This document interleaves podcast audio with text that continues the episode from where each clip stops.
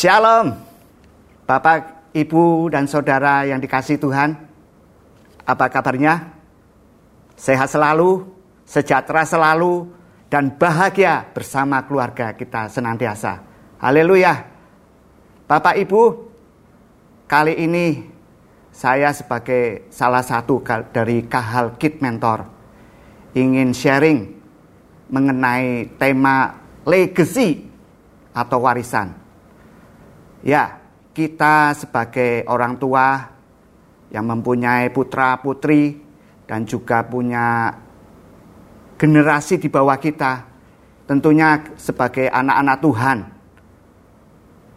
kita ingin mewariskan hal-hal perkara-perkara yang dahsyat, yang rohani, yang dapat kita wariskan untuk putra-putri kita semua dan generasi kita yang ada di bawah untuk bisa meneruskan pelayanan kita. Dan kita bersama-sama bergandengan tangan bersama generasi dan putra-putri kita terus melayani Tuhan. Haleluya. Ada suatu quote atau kutipan yang sangat baik yang dikatakan oleh Bapak Billy Graham. Ini sudah diterjemahkan dalam bahasa Indonesia. Saya ingin membacakannya warisan terbesar yang dapat diwariskan kepada anak dan cucu seseorang bukanlah uang atau hal-hal materi lainnya yang terakumulasi dalam kehidupan seseorang, melainkan warisan karakter dan iman. Dahsyat, dahsyat, dahsyat sekali. Warisan yang terbesar. Bapak Billy Graham telah memberikan kutipannya untuk menjadi perhatian kita sebagai anak-anak Tuhan. Dia katakan warisan terbesar sebagai anak-anak Tuhan adalah warisan karakter dan iman kepada putra-putri dan generasi kita yang ada di bawah kita. Sempat dikatakan bukanlah uang atau hal-hal materi lainnya yang terakumulasi. Artinya apa?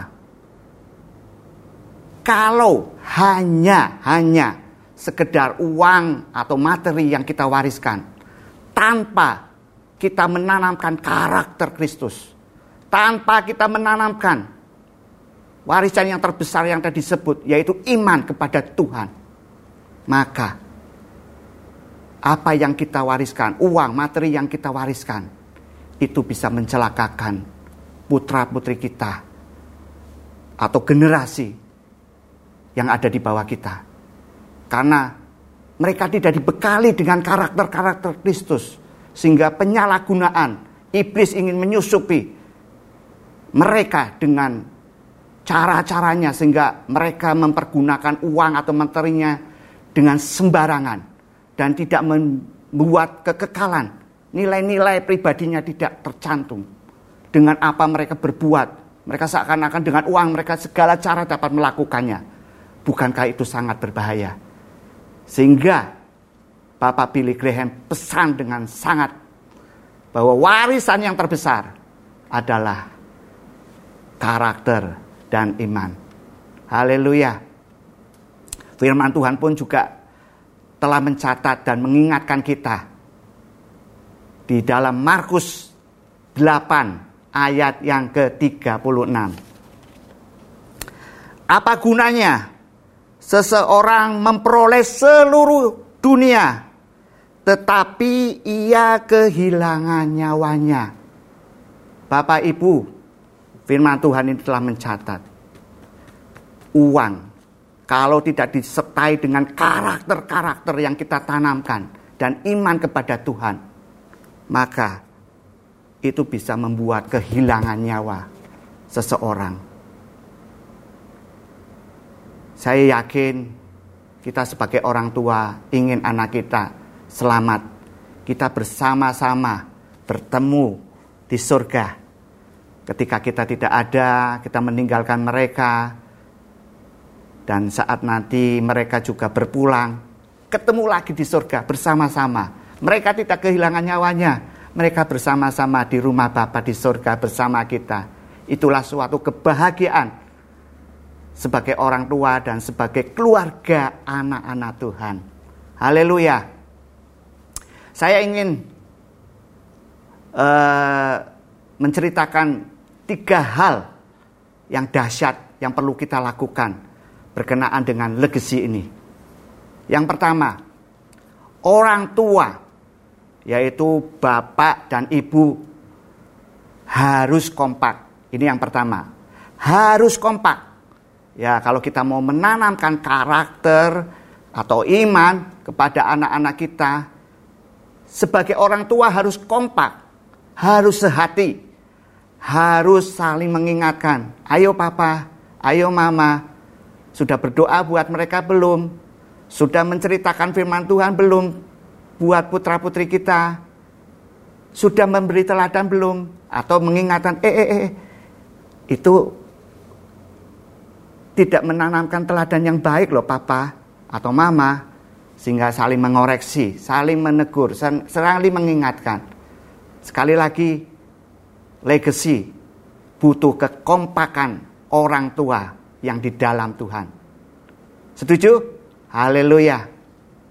Terus yang kedua, pertanyaannya, seandainya jika ada pasangan kita yang belum dalam Tuhan, bisa juga Mungkin suaminya yang belum di dalam Tuhan.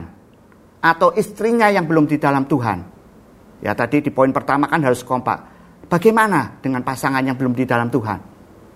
Apakah kita bisa terus menanamkan legacy, mewariskan karakter dan iman kepada putra-putri kita? Saya jawab dengan tegas. Bisa.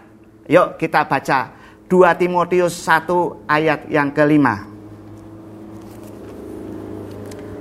Demikian bunyi firman Tuhan, sebab aku teringat akan imanmu yang tulus ikhlas, yaitu iman yang pertama-tama hidup di dalam nenekmu, Lois, dan di dalam ibumu, Yunike, dan yang aku yakin hidup juga di dalam dirimu. Ini pernyataan Paulus kepada Timotius bagaimana Timotius yang masih muda dia dapat menjadi teladan. Luar biasa semangatnya di dalam Tuhan. Ternyata kalau kita dapatkan mereka diwariskan nilai-nilai rohani, karakter iman oleh dua wanita yang luar biasa, yaitu Louis dan ibunya Yunike. Kita tadi melihat eh, nama bapaknya kok nggak disebut? Kemungkinan bapak ibu dan saudara sekalian, pasangan mereka masih belum di dalam Tuhan. Namun Alkitab mencatat, walaupun wanita-wanita ini sendiri menanamkan karakter dan iman dan terus mengandalkan Tuhan. Dan tentunya mereka berdoa bagi suami mereka supaya suami mereka juga bertobat dan mau menerima Tuhan Yesus. Kita dapatkan Timotius yang luar biasa. Anak muda yang berdedikasi, berkarakter Kristus muncul dalam pelayanannya. Muncul imannya ketika melayani. Jadi poin yang kedua ini sangat penting. Jangan putus asa Bapak Ibu seandainya pasangan Bapak Ibu belum di dalam Tuhan. Terus doakan, terus doakan. Doa orang benar sangat besar kuasanya. Terus doakan, suatu kali pasangan Bapak Ibu semua akan terima Tuhan Yesus terbuka dengan caranya. Doa-doa yang dinaikkan, tangisan-tangisan, air mata yang Bapak tumpahkan di hadapan Tuhan untuk pasangan Bapak Ibu semua. Tuhan tampung, Tuhan dengar. Dan Tuhan sungguh sangat ingin menyelamatkan pasangan Bapak Ibu semua.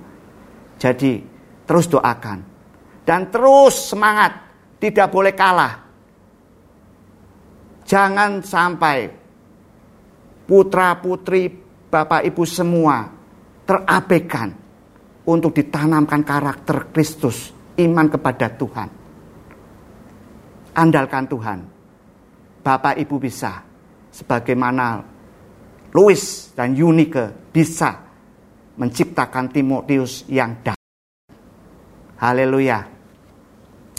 Pada kesempatan ini juga saya ingin mengajak kepada Bapak, Ibu, dan saudara semua, ayo kita melakukan gerakan, gerakan menjadi teladan bagi generasi yang ada di bawah kita. Kita ingin menjadi teladan, kita mau legasikan, mewariskan nilai-nilai, karakter, dan iman melalui keteladanan kita. Yuk kita baca satu uh, Filipi 3 ayat 17.